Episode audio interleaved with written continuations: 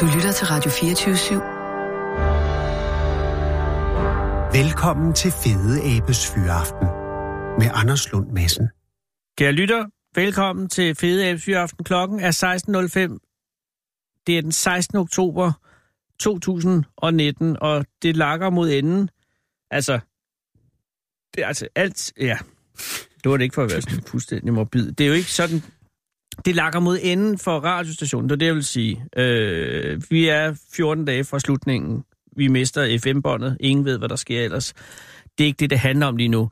Øh, det, der er så vigtigt, og det der er begyndt at blive en lille smule nervøs, det er, når vi at blive færdige med det, vi er i gang med nu, her i det her program, inden radioen som sådan slutter. Jeg tror det stadig, og det er ikke fordi, at det ikke er spændende, det er fordi, det er for spændende. Øh, vi er i gang med gennemgang af de 40 mest markante sygdomme ifølge museumsinspektør fra Medicinsk Museum, Malte Bjergård, øh, som er i studiet med mig i dette øjeblik. Og vi har jo, hvis man har følt med, i, følt, ikke født, hvis man har fulgt med i programmerne fra i mandags og i går, øh, så ved man, at vi er nået til øh, sygdom nummer 30. Og det betyder altså også, at der er øh, stadig de fleste tilbage. Øh, og derfor skal jeg tale mindre, end jeg gør lige nu. Jeg skal bare sige, hvis du sidder øh, og, hører til det her, og hører på det her program, øh, og, og har lidt skidt øh, et eller andet sted, går et eller andet sted, så skal man måske bare lige øh, tage programmet med i bad, hvis man har mulighed for. Et eller andet, som har det godt, fordi at det er sygdom, det handler om. Og øh, sygdom er i sagens natur ting, som jo altså øh, truer os. Det er det, der gør dem til sygdomme. Men øh, de er djævelsk interessante. Vi har allerede været igennem øh, de autoimmune lidelser, vi har været igennem fistler, vi har været igennem øh, dårlig ånde, parentose, vi har været igennem gul feber. Øh, der er allerede mange øh, måder at komme herfra på, som er dækket, og jeg er øh, spændt på, hvordan at de 30 øh, vil spænde af. Men Malte, mm. øh, hvad er nummer 30? Det er jo egentlig det bedste spørgsmål. Ja, det er en god måde at starte ja, ja, ja, ja, ja, på, må man sige. Ja, ja. Jamen, 30 øh, er, må sige, en, en, en af de ikoniske, tror jeg, man godt kan kalde den. Det oh. er difteri. Difteri? Ja. Som jo er et... Øh, Sig det til de unge i dag, at de ja, aner ikke, hvad det handler om. Strobehoste er man også kaldt den øh, nogle gange, men, men difteri øh, er den officielle titel. At man hoster sig Ja, man bliver, man bliver nærmere faktisk kvalt, øh, skal det siges, hvis man skal være lidt... Øh, dramatisk. En, en, en difteri, en, en strubehoste? Det er en, en, altså en, øh, en bakterieinfektion, ja. som øh, især sætter sig på struben øh, og laver sådan en, en giftbelægning, øh, som både øh, kan lamme øh, organerne, men mm. også bogstaveligt talt bare langsomt lukke luftvejene. Oh. Og det er en frygtelig, frygtelig lidelse her i, i 1800-tallet. Øh, især øh, blandt børn, må man sige, desværre. Den bliver kaldt øh, børnenes dødsengel. Og det er ikke for at være dramatisk, den tager bare utrolig mange børn her i 1800-tallet. Og, øh, og hvorfor lige 1800-tallet? Jamen, øh, det er jo øh, et, et, et, et, øh, et problem ved øh, det moderne samfund, vi er i gang med at skabe her i 1800-tallet, og som vi vil se gentagende gange i løbet af de her sygdomme, vi skal møde, at det er, at vi rykker tættere sammen, ja. og øh, vi skaber nogle miljøer, som øh, bare er perfekt for smitsomme sygdomme, må man sige. Altså det er øh, i høj grad en, en, en gave til, til de her øh, bakterier og viruser i forhold til at, at sprede sig i de her meget tætte byer, ikke? og som vokser jo eksplosivt her i 1800-tallet på grund af urbanisering. Ikke? Ja, og vi sidder i en af dem, øh, København, som jo i 1880'erne eksploderede, øh, altså mellem 1880 og 1910 blev der bygget helt ufattelig mm-hmm. meget øh, bolig masse i København. Men inden da var, var byen jo også øh, fanget af voldene, ja. øh, som gjorde, at, at, at, at befolkningstætheden herinde, hvor vi sidder lige nu i København K, øh, var større, end den er i Hongkong i dag. Ja, altså, ja. Vanvittigt mange i baggården til baggården til baggården. Præcis. Og, og, og det kombineret med, at øh, hygiejne ikke var en, øh, en ting, man fokuserede på. Altså, der var jo... Øh, kloakkerne var relativt åbne øh, og, og man havde ikke nogen viden om, at, øh, at det var farligt at øh, have afføring og fødevarer i nærheden af hinanden. Nej. Og det gjorde, at, som du siger, at bakterier havde ekstremt gode forhold. Og selv, selv kan man sige, hvis de som, som, som tænkte, at man godt kunne se, at afføring og, og, og mad skulle være for sig, så var det jo også, fordi man ikke havde, altså, man havde ikke et system til at håndtere det. Altså, det er jo på et tidspunkt, hvor staten er, er, er på vej frem, men er slet ikke er i stand til at, at bestemme, hvordan øh, kloakker skal laves og øh, smitte passager og så videre. Det er jo sådan det, de mulige kunst på det her tidspunkt, må man sige.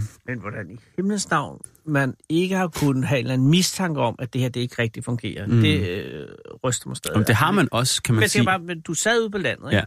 Ja. Hvis du tog 5 km væk fra, hvor vi sidder lige nu, øh, ude på den anden side af voldene, så var der frisk luft, Mm. øh, der var, der var øh, natur, der var, der var friskhed, Mm. og, og, og så tog herind, og så var det jo altså stankpøl af, Mm. af pest.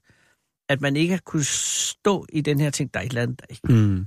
Det, det, og det har man også. Altså, man, man har tænkt, og, man, og, og, og, og det bedste middel, man sagde på det tidspunkt, og, og, og i mange hundrede år øh, mod smitsom sygdom, det var frisk luft. Og det har man jo haft øh, ret i på, til en vis grad.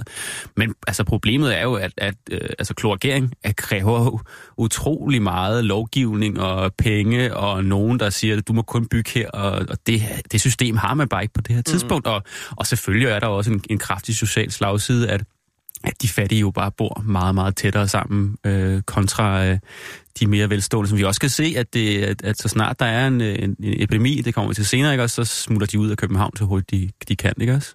Men difteri, Difteri, ja. Altså som, som, som, som rammer øh, lav og høj, øh, og, og, og øh, man, man kan dø på, på en uge meget sådan... Øh, øh, ja, hård at se på, ikke? også fordi man langsomt kvæles, øh, uden at man kan gøre noget som, som læge. Også øh, et berømt eksempel er Geo Brandes, som mister sin, øh, sin 10-årige datter på den her måde i, i slutningen af 1800-tallet. Mm. Øh, og det, det er en sygdom, vi ved, vi har slået, øh, kæmpet med siden, øh, siden øh, oldtiden simpelthen. Øh, men først i sådan starten af 1800-tallet begynder man at, at, at, at genkende, hvad den er. Øh, og så sker der noget, noget, øh, noget, noget banebrydende i, i, øh, øh, i 1890. Så er der en tysk læge og en japansk læge, der arbejder sammen og opdager, øh, at man kan øh, tage øh, noget af den gift fra bakterien, altså det, som, som lammer næverne, det kan man tage og bruge til at behandle med. Oh. Og de gør det på marsvin først, hvor de tager noget, øh, de tager noget nogle, nogle marsvin, der har difteri, og så tager de noget af det her giftstof for dem, og så giver de giftstoffet i sådan en opblanding til andre marsvin, som er raske, og så bliver de lidt syge, men ikke syge nok til at dø, og så er de immune og beskyttet over for øh, difteri. og er det øh, noget, man har gjort med andre ting inden, eller er det første gang, man bruger den svækkede... Det, det, det har man gjort med andre ting, men det er første gang, hvor man gør det med sådan et, et serum, som man kalder det. Okay. Et difteriserum. Øh, og så det er en, en, en kæmpe ting her i 1890, at man lige pludselig kan, kan se, at der er et middel mod øh, det her øh, krible-krableværk også. Man, har, har, man er begyndt at opdage bakterierne, det skal nok komme tilbage til gentagende gange, fordi det er jo, må man sige, i høj grad det, som, Mm. som sygdommen hænger sammen med. Men, men det, at man, at man for- formår at, at producere det her øh, toksin i en svag udgave. Man, man øh, går hurtigt over til at have heste, fordi de er jo nogle kæmpe dyr, og så kan man øh, producere øh, meget af det her serum. Åh, oh, smart. Ja. Og øh, altså, øh, før øh, serum, var- var det så, øh, hvor stor dødelighed var der øh, få difteri? Hvor stor risiko var der for at dø af det? Altså, var Øh. det halvdelen af døde? Var det en tiendel? Var det en hundreddel? Jeg tror ikke, man har, har nogen tal på det. Okay. Øhm, men man kunne men- godt men- overleve det, ikke? jo, jo, men, men jeg tror, at det er sådan noget med, at man, jeg tror, hvis man skal slag på tasken, så siger man 25 procent eller sådan noget dør af det. Jesus, Men altså, det er jo også et tidspunkt her, hvor, hvor at man... Altså i 1800-tallet, der siger man jo, at, at det kun er... er altså, øh, øh, det er kun to tredjedel, der, der overlever barndom, ikke også? to tredjedel. Det er ikke meget, øh, må man sige. Og, og i, øh, i 1800-tallet, der er levestandarden, levealderen, den er 45 i gennemsnit, ikke også? Det, der er noget, noget Men det er jo også fordi, at, at børnedødeligheden trækker ned. Ja, Fordi hvis du man sige. overlever barndommen, Ja. ja. så har du vel nogenlunde, Ja. ja. og ikke får en anden ting i hovedet, Nej, nej. så er det lige så stor sandsynlighed for at blive gammel, Ja, ja, ja. ja. som i dag nærmest. Ja. Eller ja, stort set. Ja, ja, det kan man jo sige. Hvis man Men ikke, der er bare rigtig, rigtig mange børn, der dør. Ja, ja, og så kan man sige, der er også, også mange smitsomme sygdomme, der også skal tage dig i svinget, hvis man ikke passer på. Men det er jo så børn, eller de gamle børn, der Ja. ja. oftest bliver taget. Ja, men, ja. men at du siger, du får øh, difteri, du bliver smittet af luftveje, eller hvad? Ja. Eller af luftborgen. ja, det må man sige. Øh, En luftvejsinfektion. Ja, og det vil sige, at du, der er, naboen har difteri. Ja, og så og... kan du hoste, og så kan du få den. Og ved man, at det smitter på den måde på det her tidspunkt? Det, det finder man ud af der. Det er der, man, altså man opdager først bakterien, har en bestemt bakterie, der er difteribakterien, og så kan man så for det første finde ud af, okay, bum, det er den, det er den måde, det smitter på, og så kan man begynde at lave det her, det her serum. Øh, og det går ret hurtigt, altså for eksempel så, øh, så er der en læge, der hedder Karl Salomonsen, som fra Danmark, som så får nys om den her historie, og bliver den første læge, der får øh, sådan en bevilling på, øh, hvad hedder det, på finansloven. Nå. I øh, 1896, tror jeg det er. Ja. Øh, og tager det ned til, til øh, Pasteur, og får, får, får, får lært, hvordan man laver det her toxin fra, fra heste. Mm. Og så tager han til, tilbage til Danmark øh, og laver øh, det, som skal blive Serum Instituttet. Ja. Det er derfor, det hedder Serum Instituttet, fordi man laver det her difteriserum, simpelthen. Og, øh, og at det er så det første serum, der bliver produceret ude på Amager på Ja. Statens Serum Institut. Jeg, jeg er ikke sikker på, det er på Amager start af. Det må Nej, det er sikkert- det er sikkert det er nok et andet sted. Øh, og, det, og, og, hvis man gerne må, sådan, hvis vi med, med, med kip med flaget som, øh, som dansk lægevidenskab en gang imellem, ja. øh, så, så øh, er det her øh, nogle historier, der diskuteres kraftigt inden for de her nørdede kredse. Nogle øh, siger, at det her er øh, det første Øh, altså testen af det serum, da det kommer til Danmark, er her, man laver det første øh, randomiserede lægeforsøg Oh, som jo er i dag er sådan en golden standard for, hvordan man laver lægevidenskab. Altså det, at når man skal teste noget, så dem, der får enten det rigtige lægemiddel eller det forkerte, de bliver tilfældigt udvalgt. Og der arbejder Salomonsen simpelthen sammen med øh, en anden læge, der hedder, øh, en bakteriolog, undskyld, der hedder Johannes Fibiger, hvor de simpelthen tager øh, patienter, så siger de, de inddeler dem, hvis du kommer på en lige dag, så får du det nye serum, hvis du kommer på en ulige dag, så får du den gamle medicin. ja. Bum. God. Ja, og så, så, øh, så laver de simpelthen en måling, hvor man ser, at de kan se, at, at, øh, at den, der får det nye serum, der er der kun 8, der dør dem, mens at den, der får det gamle medicin, der er 30, der dør dem. Og så har man jo, måske et godt bevis på, at serum virker, og så kan man gå i gang med at helbrede difteri. Og Pasteur øh, er jo ikke fedtet med at give øh, hemmeligheden fra sig. Mm, nej, Det er jo også en af de må mange man øh, sige. fine historier, Ja. synes jeg. altså ham, der opdager, øh, at de her mikroorganismer er i luften, for eksempel, at hvad det er, som, som fermenterer eller gærer, øh, og er med til at opdage øh, smitsomme sygdomme.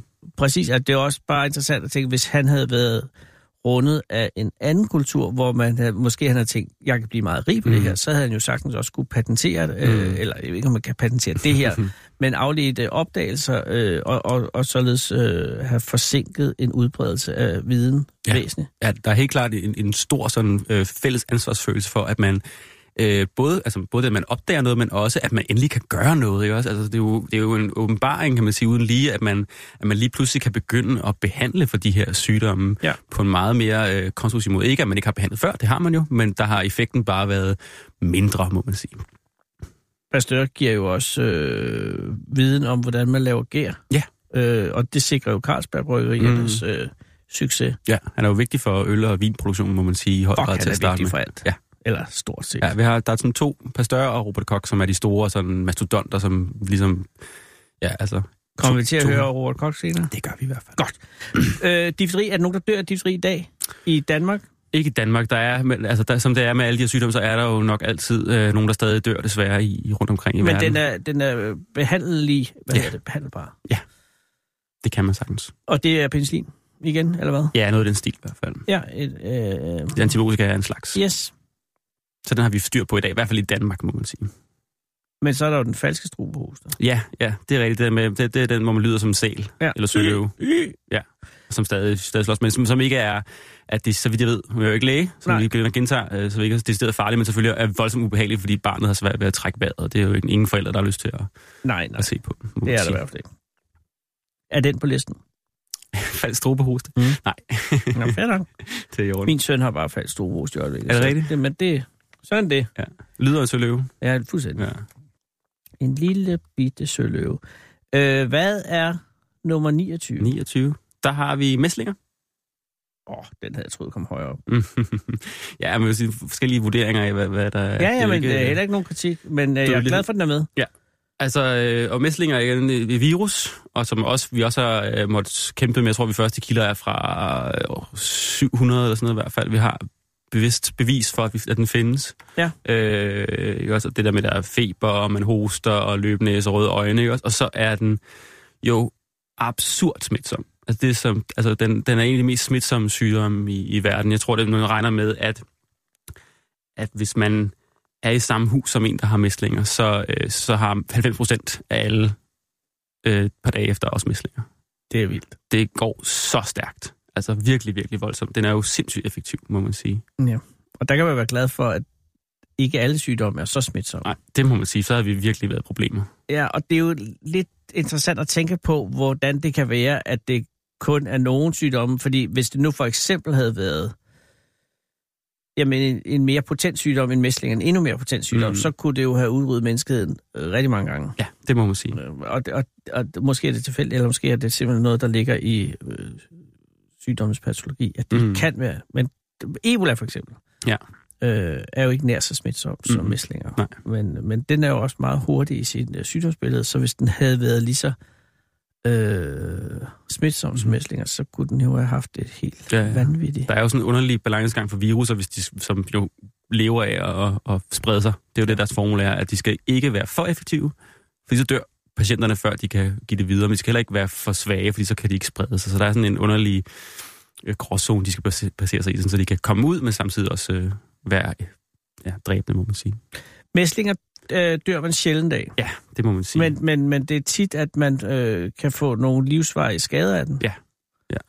Øh, altså, jeg fik jo mæslinger, det fik øh, man jo, øh, det var en af de børnesygdomme, man skulle igennem, øh, da jeg var dreng, og det var jo, øh, som jeg husker det, den værste af dem, fordi det tog lang tid, og, øh, og man var rigtig syg af den. Øh, men der var ikke nogen vej udenom. Mm. Og derfor var det sådan noget med at blive smittet så hurtigt som muligt, og så få det overstået. Du fik ikke vaccine? Nej. Nej, okay. Men ikke fordi, at, at det var, øh, kunne jeg få vaccinen på det tidspunkt? Ja, det kunne du.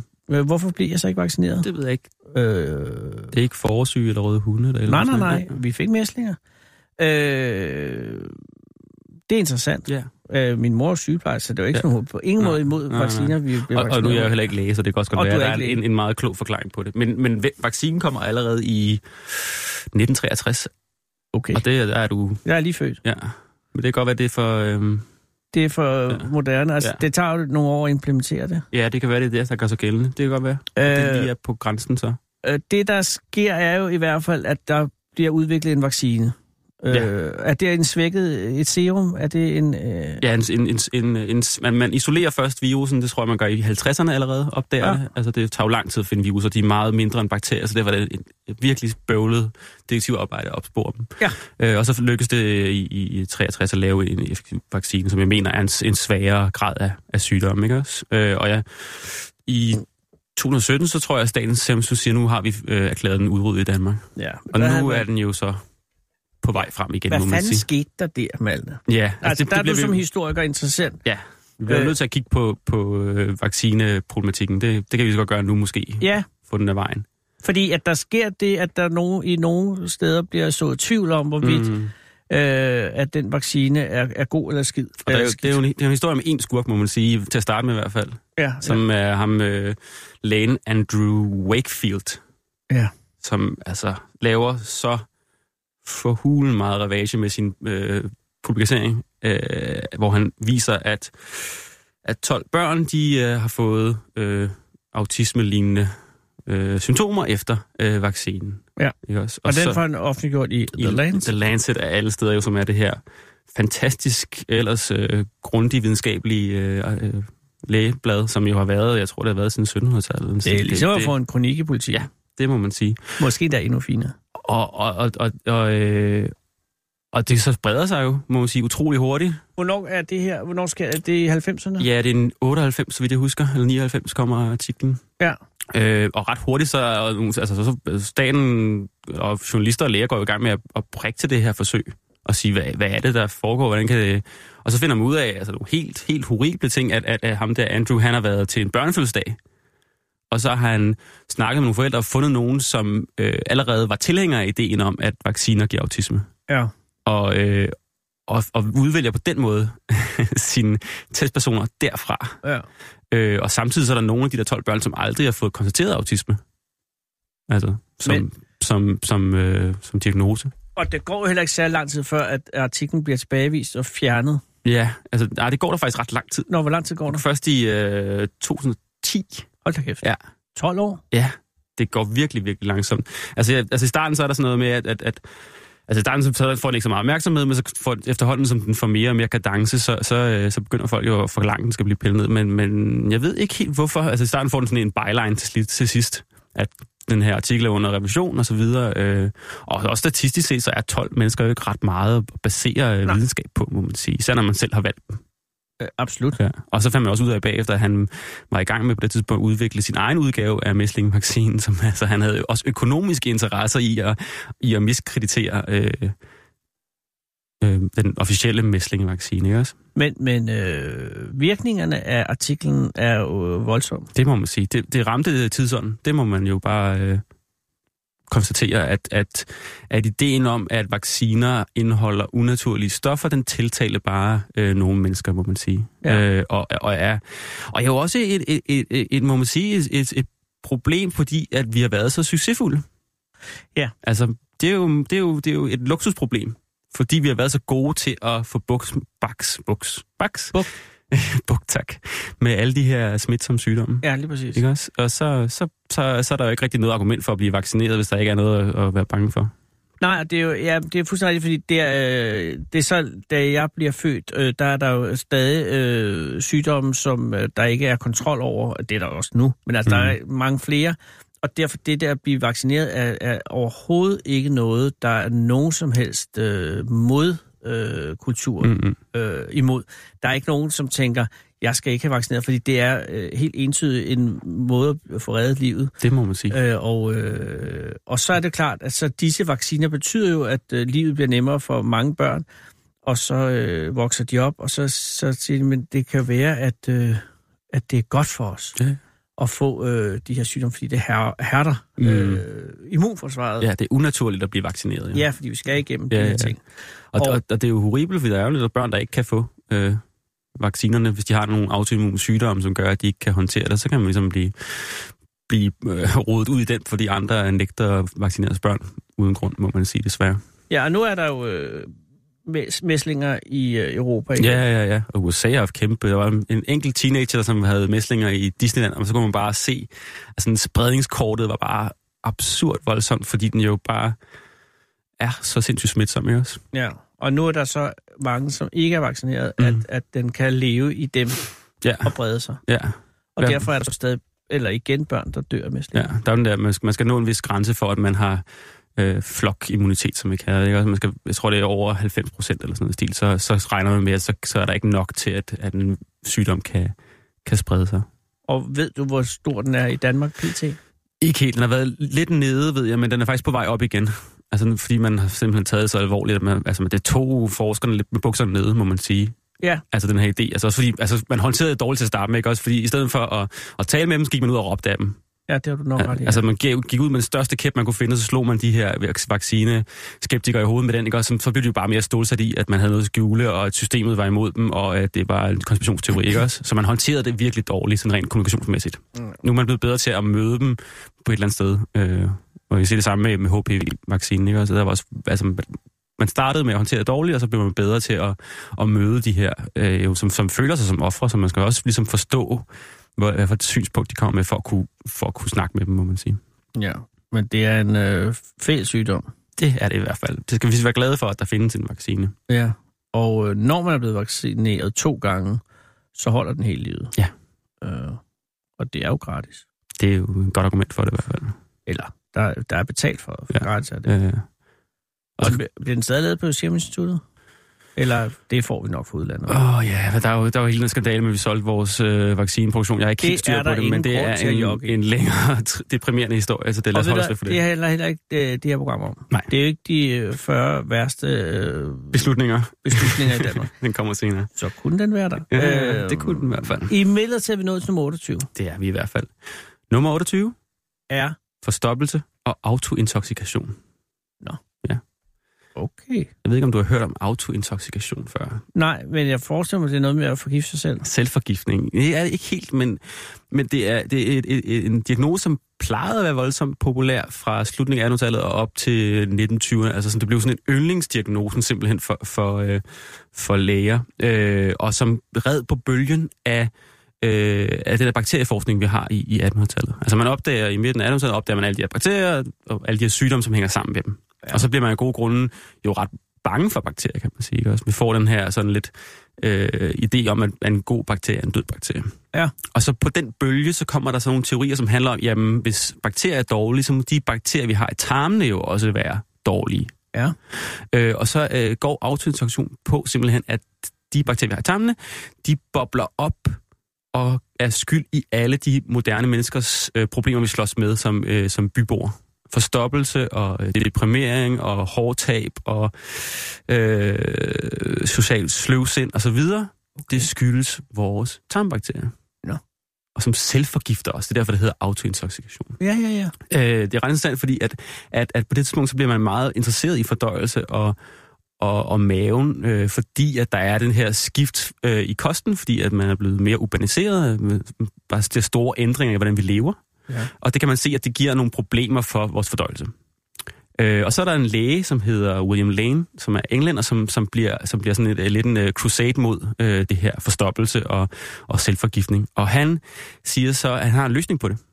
Har en løsning på at, at, at fikse det her problem med vores tarme, som giver os alle de her moderne problemer. Mm. Lidt ligesom man sige, i tabel tyk tarm i dag, ikke også? Ja, ja. Øhm, og hans løsning er, væk med tarmen. Nej, Jo, det er, ikke en, det er ikke en god idé. Det... er hans idé, fordi så er den potte jo ude. Jamen, det er, det er selvfølgelig rigtigt. Ja.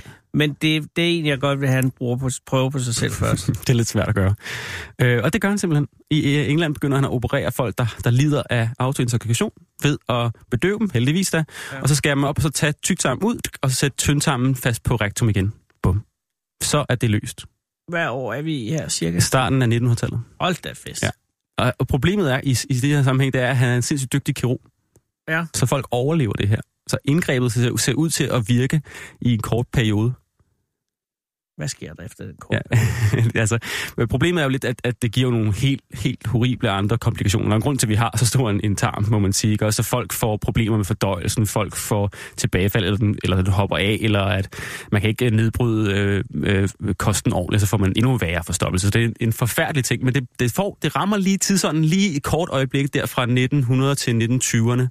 Øh, og blandt andet også på grund af Kellogg's som bliver helt, helt besat af øh, forstoppelse og, øh, og autointoxikation. Og det er altså den her mand i Amerika? Ja, som finder på øh, morgenmaden, som, som, som du har ret i, som, som også baserer sig på, at man skal leve sådan lidt æstetisk, lidt kedeligt, men især baserer sig på, at man skal have en god fordøjelse. Og det er der, at de her majsflager skal hjælpe med det.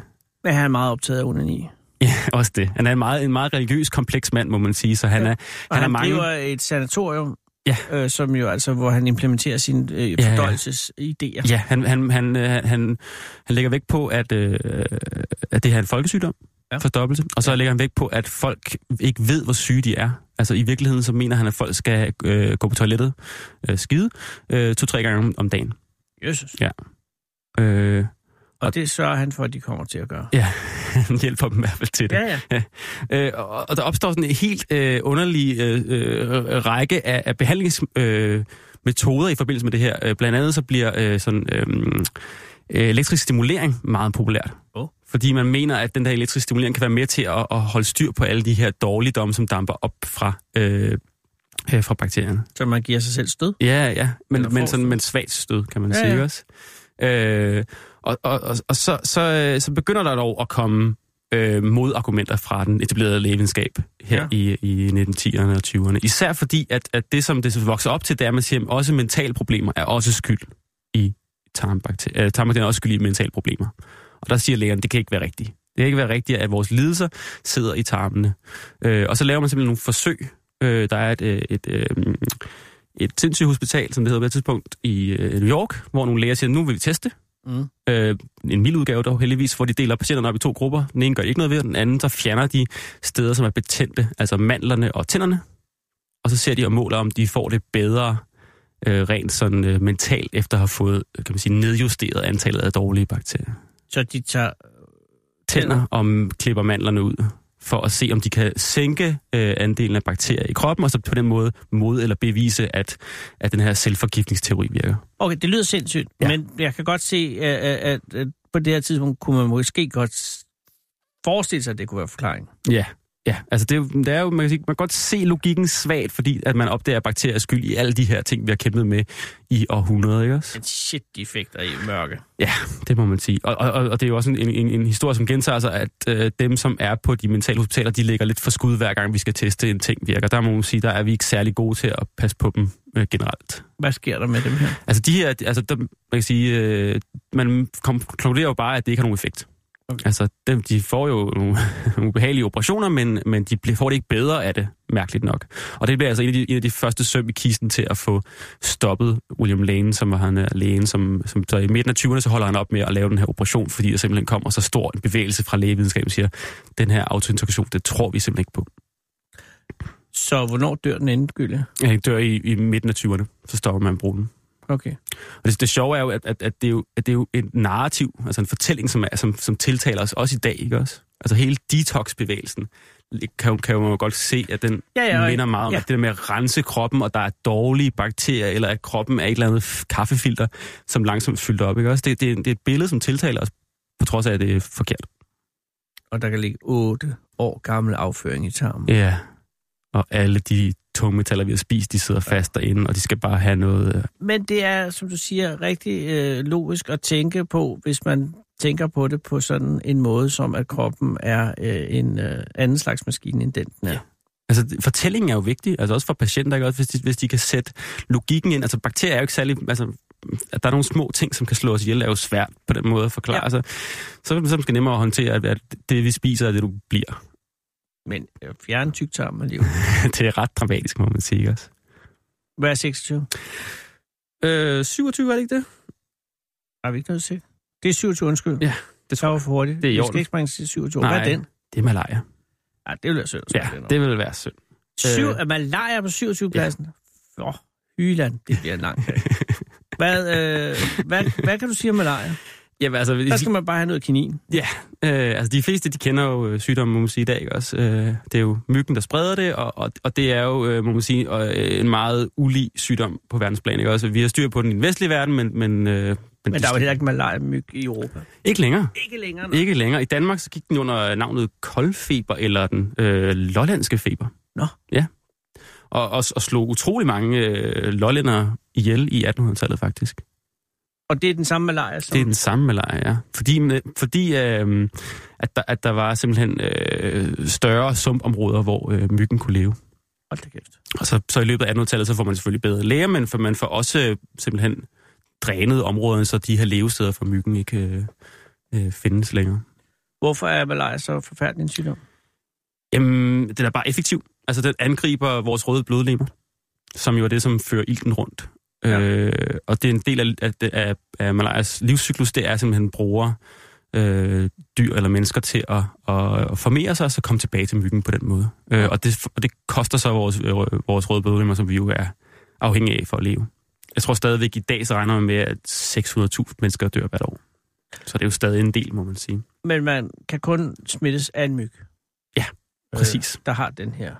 Ja, hundmyggen selvfølgelig. Ja, det er klart, fordi det er den, der indsamler øh, blodet. Og øh, behandlingen, hvornår blev den opdaget? Jamen, øh, jeg tror, at det, som sker, er i, i 15- og 1600-tallet, så observerer øh, Jusit og, hvad hedder det, munke, der er munke, der observerer i Peru, at man bruger øh, kaninbark til at bekæmpe øh, muskelanfald. Ja. Og så tænker man, hov, det kunne måske være et middel, vi gerne vil bruge øh, tilbage i Europa. Og så tager man øh, kaninbarken med til Italien, hvor at man har store problemer med malaria. Øh, der er flere paver, der ryger i svinget øh, og så videre, øh, på grund af, at Rom er, er omgivet af, af sådan nogle sumpområder. Oh. Og så, øh, så finder man ud af, at kaninbarken simpelthen har den her absurd effektive øh, virkning mod malaria. Og så er lykken jo gjort, må man sige. Og det er altså allerede i 1620'erne, man opdager det. Og hvad er der i den bark, som er virksom mod malaria? Det ved jeg faktisk ikke. Men øh, du er heller ikke Jeg er heller ikke botaniker eller læge. Øh, det er der en anden, der kan forklare mig. Men det vil sige, at allerede fra 1600-tallet kan man behandle malaria? Ja, det kan man simpelthen. Det, der går lang tid før, at den bliver sådan masseproduceret. Det skal vi helt op i 1800-tallet. Det interessante er, at, at, at, at det spanske rige opdager det her, så fører de utrolig mange restriktioner på, hvor meget kanin, der kommer ud af Peru og, og de omkringliggende lande, fordi det er jo guld værd at have malaria-medicin. Ja, øh, så det er først faktisk i jeg tror det er i, i midten af 1800-tallet, hvor det lykkedes hollænderne at smule øh, frø fra øh, kanintræet ud og plante i Indonesien, at man begynder at få sådan en masse produktion. Og er det samme, når jeg spiser malariapiller i dag? Det... Nej, Nej, det man bruger ikke, man anbefaler ikke længere kanin til at, at behandle øh, malaria i dag. Altså Hvad? det, det, det, det, er, det er, fordi det er, så, det er så potent et stof. Så i dag bruger man noget, der er øh, kunstigt produceret, uden jeg ved præcis, hvad der er i, må jeg indrømme. Du er heller ikke farmaceut. Det er interessant, også en, en lille sidehistorie med malaria, som jeg synes er meget interessant, det er, at man øh, også har prøvet at bruge malaria til behandling. Ja. Øh, I øh, i, øh, i 1920'erne, så øh, begynder man at kigge på, om man kan bruge øh, malaria som øh, angreb mod andre bakterier. Oh. Og det er der faktisk en østrisk læge, som begynder at bekæmpe syfilis med. Åh, Så han giver patienter malaria, så får de øh, voldsom feber, og så øh, det, det er en temperaturstigning, som syfilisbakterien har svært at håndtere, og så giver øh, lægen kanin, og så øh, går ned igen, og så giver man måske et par gange igennem, for at, øh, for ligesom at være sikker på, at syfilisbakterien er væk. det er risky business. Det er det. Øh, 15 procent af patienterne dør. Men øh, det er foretrækket fra dødsprocenten for at have øh, syfilis på det tidspunkt. er 100 på det tidspunkt. Ja, det er ikke meget galt i hvert fald. Nogen kan klare længere tid. Det, er lidt, det kommer ind på, hvordan ens øh, immunforsvar er. Men det, Nå, er, okay. det er en, en dødsdom på, på sigt. Men syfilis har vi ikke rørt ved endnu. Nej, den, øh, den, men det interessante er, fordi det er faktisk starten på det, som, som, som, som paraplymæssigt regnes som kemoterapi. Altså det, man bruger øh, på en eller anden måde kroppen, så øh, forgifter kroppen til at behandle en værre sygdom. Og det malaria, øh, Er den første, man bruger til det.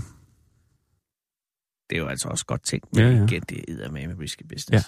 Og på Vestkyst Business, så det nye, man prøver på at behandle malaria, det er jo, man, øh, og, og, og gul feber på, den har vi jo snakket om før, det er, at man prøver at, at lave gen-modificeret myg.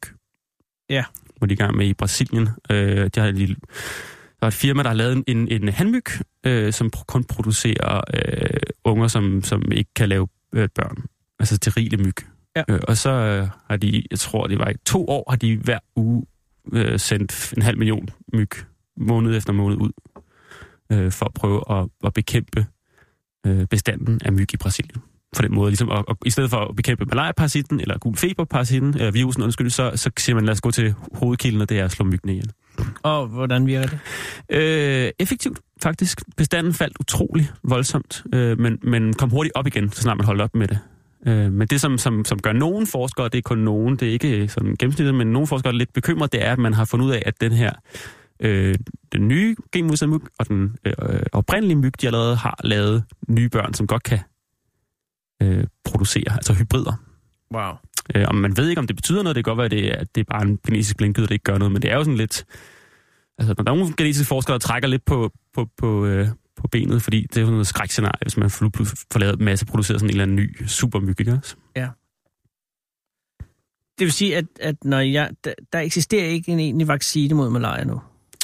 Øh, ikke så vidt jeg ved, det tror jeg ikke. Men altså, jeg, Men der arbejdes på den. Jeg det, ved, ja, at, altså, at man arbejder jo på vacciner på alle de her ting i hvert fald. Jo, men det er jo en af Bill Gates store ting, Ja. øh, at forsøge at, øh, og, øh, være med til at udrydde malaria. Mm. Øh, og det er jo også en, en realistisk øh, ting inden for de næste 20 år, øh, at, at, at vi kan komme i en situation, hvor malaria ikke er en faktor længere. Det håber man jo i hvert fald. Jo, det er fantastisk, at man kan det, ikke? Mm. Men der kommer vi, går jeg ud fra, til en sygdom senere, øh, hvor det lykkedes. Mm, ja, altså man kan sige, vi ved jo i dag, kunne vi jo godt udrydde malaria, hvis, hvis, hvis hele samfundet satte sig på det. Men problemet er jo lige nu, at det, at det går ud over nogle lande, som er øh, anførstegn mindre betydningsfulde, også? Det, ja. Og har færre penge. Det må man jo bare sige, det er den barske realitet. Hvad er sygdom nummer 26? Nummer 26, øh, der har vi nok den mest berømte af alle, som selv øh, skolebørnene kender. Pesten er kommet.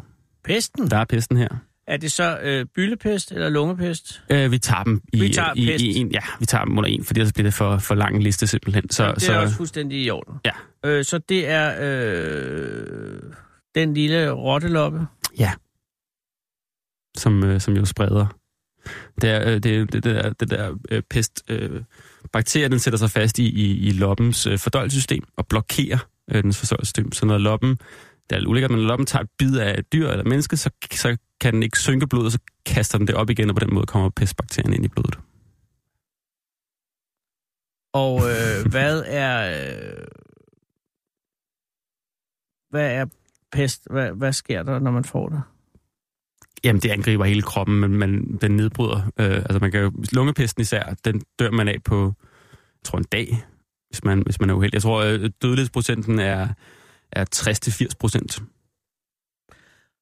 Så den er virkelig, virkelig voldsom. Og det er jo også derfor, den er så ikonisk, kan man sige. Også, vi har den sorte død, ikke? også i dag 1300-tallet, hvor den, hvor den formodentlig kommer med, med, med mongolernes invasion, ikke også? Øh, Mongolerne? Ja, her har vi dem. Øh, øh, historien går, og det, den skal nok tages med et kilo salt, Ja. at, at, øh, at de er i gang med at, at prøve at invadere øh, Kaffa, som er sådan en by nede ved Sortehavet. Øh, og øh, de får, øh, soldaterne får pest, og herren er ved at gå i opløsning. Og så som ligesom en, en, øh, en farvel-salut, så tager generalen og putter et par kroppe op på katapulter, og så smider de her pestramte døde soldater ind over bymuren, og så siger han farvel. Og så er pesten kommet til Europa.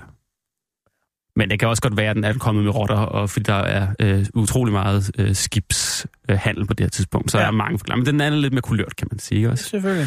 Og, og der er jo, man kan, der er, altså, som historiker, så kan man jo tale i uendeligheder om pest. Der er utrolig meget at fremhæve, hvordan det ændrer samfundsstrukturen, hvordan det giver øh, øh, bliver presset, hvordan festebønder lige pludselig kan vælge, fordi der er så få øh, arbejdshænder. Men det, som jeg synes, man kan være sjov at fremhæve det her, det er noget, vi normalt ikke taler så meget om, det er, hvordan pesten påvirker vores badevaner. Altså i hvert fald i middelalderen. Ja, hvordan?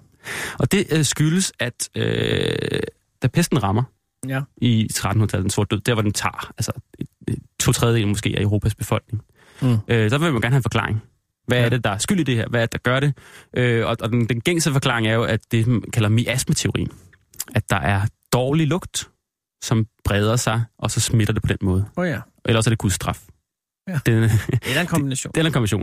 Det er derfor, hvis du kender det ikoniske pestdragten, øh, Nå ja, næbet, med ikke også? Ja, der, der er gode, velduftende urter i næbet. Det er ikke for at skræmme folk. Der, er- der er urter, der skal, skal, skal begrænse den der dårlige lugt fra og, og, og miasmerne fra at trænge ind hos lægen. Men hvordan har det at gøre med badevanerne? Jamen det er fordi, at, øh, at øh, kongen i Frankrig, Philip 6., han siger, han kalder alle sine lærte mand og siger, hvorfor har pesten ramt Europa nu? ah, okay. Og så siger alle hans lærte, det er noget med miasmerne, det er noget med solens position, det er noget med, med jordens dampe, men det er også fordi, vi bader så meget, at vores krop øh, bliver modtagelig for de her øh, øh, dårlige lugte. Vores krop bliver porøs, simpelthen. okay. Og det bliver simpelthen begyndelsen på, på det, nogle historikere har kaldt øh, 1000 år uden bad.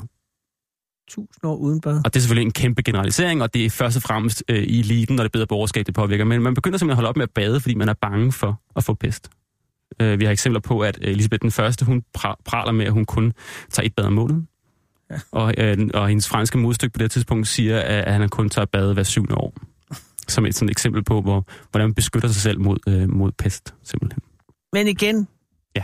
hvad skulle de gøre? Ja, det er jo det. Altså, det, man, bliver, altså, man bliver forholdsvis god til at håndtere pesten ved at isolere og, og, og lave karantæne, ikke også? Det, det må man sige, men, men det kræver et beredskab. Altså, da pesten rammer i København i starten af 1700-tallet, så er der 60.000 mennesker og 16 læger. Ja. Og de fleste af dem stikker af. Nogle bliver dog. Der bliver og prøver at gøre, hvad de kan, men man kan jo ikke gøre særlig meget, må man sige. Mm. Hold isolering og prøve at lave karantæne, og så må man bare holde ud, indtil det er overstået.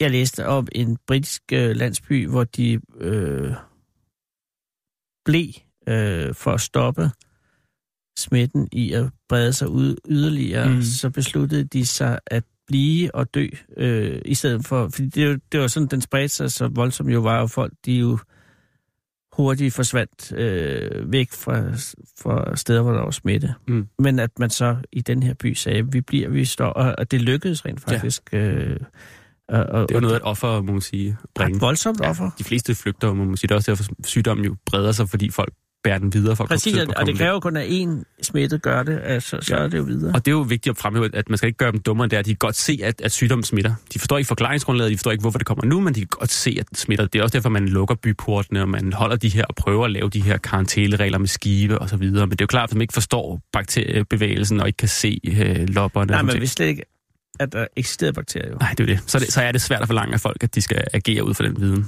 Helt sikkert. Eksisterer der stadig pest? Ja, og der er stadig nogen, der dør af det. må man sige. Især i Asien øh, kæmper man stadig med den, men det er selvfølgelig et fortal. Øh.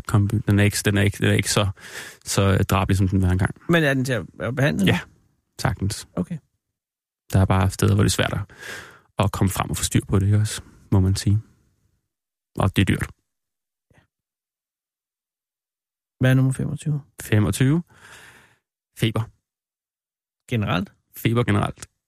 Ja. Bum. En stor, kæmpe kolonne. Men det er fordi, øh, for det første frem, fordi feber plejede at være bes- beskrevet som sygdom, Okay. må man sige. Det er ret nyt, at vi betegner syg, øh, feber som symptom. Altså i dag ved vi jo, at feber er en del af immunforsvaret, ikke også? Kroppen bliver varm, og så kan vi bedre bekæmpe infektion, ikke også? Ja. Men øh, for, før i tiden, så mente man simpelthen, at feber var en separat sygdom. Åh. Øh, og her er det måske også, altså hvis man må tage øh, historieforelæsning stemme på et øjeblik, Det skal du gøre. så er det jo også værd at fremhæve, at, at vores idé om sygdom og sundhed og den måde, vi ser på kroppen, er sindssygt ny. Altså, den er måske 150-140 år gammel. Men før det tid, så var der en, en, en, en, en idé, som hed humoralpatologien, som har eksisteret i ja, næsten 2.000 år. Så, så det er også derfor, skiftet bliver så hårdt. Og den, den, den, øh, det koncept går ud på, at kroppen består af fire væsker. Mm. Blod, slim, øh, gul galle og sort galle. Og sygdom er, øh, fordi der er ubalance i en af de øh, væsker. Og man kan måske godt forstå, hvor øh, idéerne er kommet fra, ikke? Også fordi hvis man ser på, hvordan kroppen reagerer for sygdom, ikke? Også hvis vi får en madforgiftning, så kaster vi op. Hvis vi er snottet, kommer slim ud af næsen. Hvis vi øh, har dårlig mave, så kommer det ud den anden vej, ikke? Også? Og så kan man sige, at kroppen prøver på en eller anden måde at skille sig af med væskerne. Og så tankgangen er ligesom, at man skal lave øh, balance på den måde. Hvor kommer det sort gal ud? Ja, det ved man ikke helt. Det, det, det er sjovt, at man vælger at lave den sorte galle, fordi man mener, at den forbindes med milten på det her tidspunkt, altså siden øh, antikken og så op til nærmest 1800-tallet. Okay. Hvert hver øh, væske har et organ, så øh, blod har hjertet selvfølgelig, øh, øh, slim har øh, slå, øh, slim har hjernen, og øh, gul galle, ja, Og gul galle har... og leveren, og sort galle har milten. Okay. Øhm, og så, så, så, så, så det, man så typisk gør, det er at prøve at lægens job er at genskabe balancen, ikke også? Det er så typisk overladning, man bruger i høj grad, men også kan man også øh, øh, give brækmiddel eller øh, give et lavmang, så man får renset ud i tarmen, ikke også? Øh, og prøve at, på den måde at, at genskabe kroppens balance. Og her spiller feber. Ja, men så prøv, feber er jo bare fordi, at det er jo, altså igen det der med at, at se kroppens tegn, som, altså hvis man kun kan se ude på, så er feber jo en sygdom på mange punkter. Øh, og så prøver man simpelthen at, at, at, at genoprette balancen ved at øh, for eksempel overlade for at få kroppen i vatter igen, så at sige. Mm. Hvor meget feber kan man klare, før man dør? Åh, oh, det er jo, altså... Nu er du ikke læge. Nu er jeg ikke læge, og jeg tror, man plejer at sige, øh, over 40, så skal man til at være bange, ikke også? Ja. Øh, ikke bange, så skal man til at søge, søge alvorlig lægehjælp. Ja. Øh, men jeg er ikke, jeg er ikke læge. Nej. Bare Altså, du skal ikke til dig. Nej. øh, hvor meget feber har du haft? Øh, jeg tror, jeg har i hvert fald været op på de der 40 plus et eller andet, ikke også? Der, man har på et eller andet tidspunkt haft en eller anden infektion, eller en maveforgiftning, som bare smadrede alting, må man sige. Det er meget ubehageligt Ja. feber. De der febervildelser er jo helt mærkelige.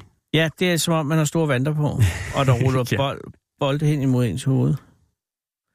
Øh, og feber er jo øh, i sig selv, ved vi nu, ikke nogen dårlig ting. Mm-mm. Det er bare et symptom på, at der er gang i kroppen. Ja, det, altså kroppen er jo, må man sige, altså fantastisk til at, at modsvare angreb udefra, ikke også? Men i sådan et tilfælde, som nu min søn, der har falsk overhus mm. i Mm. øjeblikket, han får jo så øh, febernedsættende øh, medicin. Mm. Mm. Så i en vis forstand, så anser man jo også feber for at være en... Øh, For meget det gode kan, Ja. ja. kan være skadeligt, det er klart. Ja. Fordi øh, kroppen er jo ikke gearet til at være så varm. Det, det, det er jo ikke sundt for, for cellerne, fordi de ligesom overopheder. Præcis. Så det er jo øh, alt med måde, må man sige. Også, men, men generelt så, så, så får det jo vores immunforsvar til at fungere bedre, øh, og, og, og, og forkorter jo typisk øh, infektionstiden. Hvad er nummer 24? Og jeg, det er ikke for at forsere det her, det er bare fordi, jeg kan se, at vi har, 10 minutter, vi har ikke engang 10 minutter tilbage i programmet. Og vi er ikke halvvejs. Oh, oh. Jamen, vi er ikke, jeg er ikke noget stress Nej, med alt det. Det er bare for at forklare. Øh, hvad er 24? 24, øh, det er barselsfeber. Så er det endnu en feber. Ja, det, men det kan jeg godt lide. Den bliver, den, bliver, den bliver man simpelthen nødt til at tage med, fordi den er så, så ikonisk inden for, for øh, medicinhistorie. Okay. Øh, især fordi, at øh, her skal vi møde øh, Semmelweis. også. Simmelvejs. Semmelweis, som er en øh, ungarsk læge. Øh, men lige før vi møder ham, skal vi måske bare lige præsentere øh, barselsfeber, mm. som jo, kan man sige, igen er en øh, ret upræcis øh, sygdomsbeskrivelse, men som betyder bare, at man får en, en infektion øh, under eller efter, man har født. Øh, og, og ironisk nok, så bliver det barselsfeber et større og større problem i de moderne samfund i 1700-tallet, fordi vi får flere og flere hospitaler. Øh, så flere og flere patienter og, og fødende kvinder kommer ind på hospitalerne, og så smitter man nemmere hinanden. Mm. Og så er det her, at vi skal møde øh, her Semmelweis, som altså var ungarsk læge, men er arbejder i Østrig. Øh, og han øh, kigger på barselsfeberen i, i øh, 1830'erne, tror jeg det er. Øh, og ser, øh, hvor mange det slår ihjel. Utrolig mange kvinder dør under den her barselsfeber. Øh, men han observerer, at øh, på hospitalet er der to fødeafdelinger. Afdeling 1, afdeling 2. Øh, og der er totalt forskellige dødsrater på, på hver af dem. Den ene er der 2%, og den anden er der øh, 20, øh, 20% øh, dødelighed på. Kæmpe forskel. Og på samme hospital. Ja, Ja. på samme hospital. Og så, øh, så går han faktisk så går han i gang og kigger. Og det, som er forskellen på afdeling 1 og afdeling 2, det er, at afdeling 1, så er det lægerne, der tilser kvinderne, med den, og det der er den høje dødelighed her. Og på afdeling 2 er det jordmøderne, der tilser kvinderne med den lave dødelighed. Mm. Og det er fordi, at på det tidspunkt, så skal læger jo ikke bare tage imod babyer, de skal også undervise studerende. Ja. Og det vil sige, at de starter dagen nede i diskussionshallen, Altså Med- at obducere og døde. du ser døde og vise til lægestuderende, hvordan kroppen hænger sammen. Oh, gud. og så går de op til barselsafgangen og tager nogle øh, bakterier med sig, øh, Ja. som så spreder øh, barselsfeberen. Fordi man ikke vaskede hænder. Præcis. Og ikke vidste, at der var noget. Altså, man troede stadig på, som sagt, som vi også nævnte. Men med, stadig, du står med begge hænder oppe i et, et lig. Ja, Altså, det er svært at forestille Ja. sig, at man... de har jo nok skyllet hænderne, men hvis man ikke gør et eller andet mere end vand, så sidder der jo stadig noget fast, måske under neglen, ikke også? Ja. Men der var dog 80 procent, der overlevede. Ja, Ja. Og få sådan en kadaverbaktus op i kroppen. Øh, Hvilket er imponerende. Ja, det må man sige. At det, kroppen er modstandsdygtig, ikke også? Og, med, og man har forfærdelige historier med, at man må lukke de her barselsafsnit, fordi at, der, at, det, at det bliver sådan en epidemi nærmest, ikke også? At, det, at man tror, at det spreder sig fra kvinde til kvinde, men i virkeligheden så er det jo lægen, der går øh, med, med bakterien til den næste, ikke også? Og så Simmelweis, han, han, øh, han opdager det, han ser det, og så får han overbevist øh, lægerne om, at de skal vaske hænder. Ja. Det lykkes simpelthen. Og så falder dødeligheden, bum, til, til bliver 2% ligesom øh, på den anden afdeling med jordmodstanderne. Og så skulle man tro, at den potte var ude. Men Ja. så er det øh, sige, desværre eksemplet på at være forud for sin tid. Fordi at Semmelweis... Var i, tr- i 1830'erne. Og der har man ikke opdaget bakterierne nu. Nej. Og så er der Semmelweis, han er både en lidt stedig øh, formelt herre, så da han udgiver den her artikel, så, øh, så rynker folk på næsen og siger, den tror vi ikke på. Fordi hvad er det, der smitter? Og så siger Semmelweis, "Men der er noget lige stof, som smitter folk. Og siger, det, kan, det, det giver ikke nogen mening med den teori, vi har. Det passer ikke med miasmerne om, at det er dårlig lugt, øh, der bevæger sig og, og spreder sygdom. Så den bliver afvist. Oh, Der er ikke nogen, der tror på den. Fordi hvor er beviset? ja, det er klart. Ja, og det tragiske ved Semmelweis, det er, at han faktisk ender på en... Øh, han, kan, han, tager, han tager det her nederlag utrolig grimt, øh, eller utrolig hårdt, må man nok sige, og, og ender på, på en anstalt og, og begår selvmord. Det er forfærdeligt. Virkelig tragisk emne. Øh, vi har, øh, sådan for, for at illustrere det, så har vi et eksempel øh, i, i, øh, i Danmark, at øh, professor Levi, som er fødselslæge på det tidspunkt i. København, Ja. ja. han øh, får tilsendt Semmelweis' artikel om øh, det her med, at dødeligheden faldt, så snart man vaskede hænder. Og efter Levi har læst en artikel, så sætter han sig til, tasterne. Han sidder og skriver selvfølgelig i hånden. Ja. og skriver et harmdirrende artikel om, hvor, hvor, hvor, hvor meget Semmelweis tager fejl. Åh. For At, de, at det, det der med at komme med ideen på det rigtige tidspunkt er sindssygt svært, og få folk til at skifte øh, øh, ja, videnskabelig opfattelse tager bare utrolig lang tid. Især fordi, kan man sige, at den her forklaring giver jo dødsårsagerne til lægerne, ikke også? Det er lægernes skyld, at folk dør, hvilket jo nok ikke er den bedste historie at sælge, må man sige. Så der går lige 100-150 år før at barselsfeber. Ah, ikke så lang tid heldigvis. Øh, Vi skal op i... Altså han er i 1830'erne, vi skal op i 1870'erne, så begynder man at, at få styr på det. Okay, 40 år dog. Ja. Og i dag er det ikke muligt, øh, eller i Danmark er det meget svært at dø af ja. barselsfeber. Man, man får stadig... Der, barselsfeber eksisterer som et begreb, men det er så bare en infektion, man får efter at have født... Øh, øh, øh, hvad hedder det, når man får brystbetændelse for eksempel, øh, og får feber, det er så det barselsfeber. Og man får noget penicillin. Yes. Vi er nu ved nummer 25, Malte, men øh, der er to minutter til klokken er fem. Vi kan ikke nå 25. Vi kan nå øh, det. Vi er ved 23. Vi har, What? lige, vi har lige været færdige med 24. Det er bedre, end jeg troede. ja. Vi er nu, kan vi nå, og vi kan præsentere nummer 23, og så kan man høre videre i morgen, Ja. øh, hvis man øh, vil høre, hvad den er. Ja. Hvad er det? Det er koldbrand. Åh, oh, den er god at lige at gå i seng på. Mm. Gangrene. Gangrene, præcis. Øh. Det er en, øh, det er en. Det må man sige. Øh, det er så i morgen, Det kan man glæde sig til. øh, 17. oktober kl. 16.05. Malte Bjerregaard, inspektør for Medicinsk Museum, øh, historiker, fortsætter kampen op mod eneren. Vi går til nummer 23, Koldbrand, i morgen. Nu er der nyheder. Klokken er 17. Du lytter til Radio 24 /7.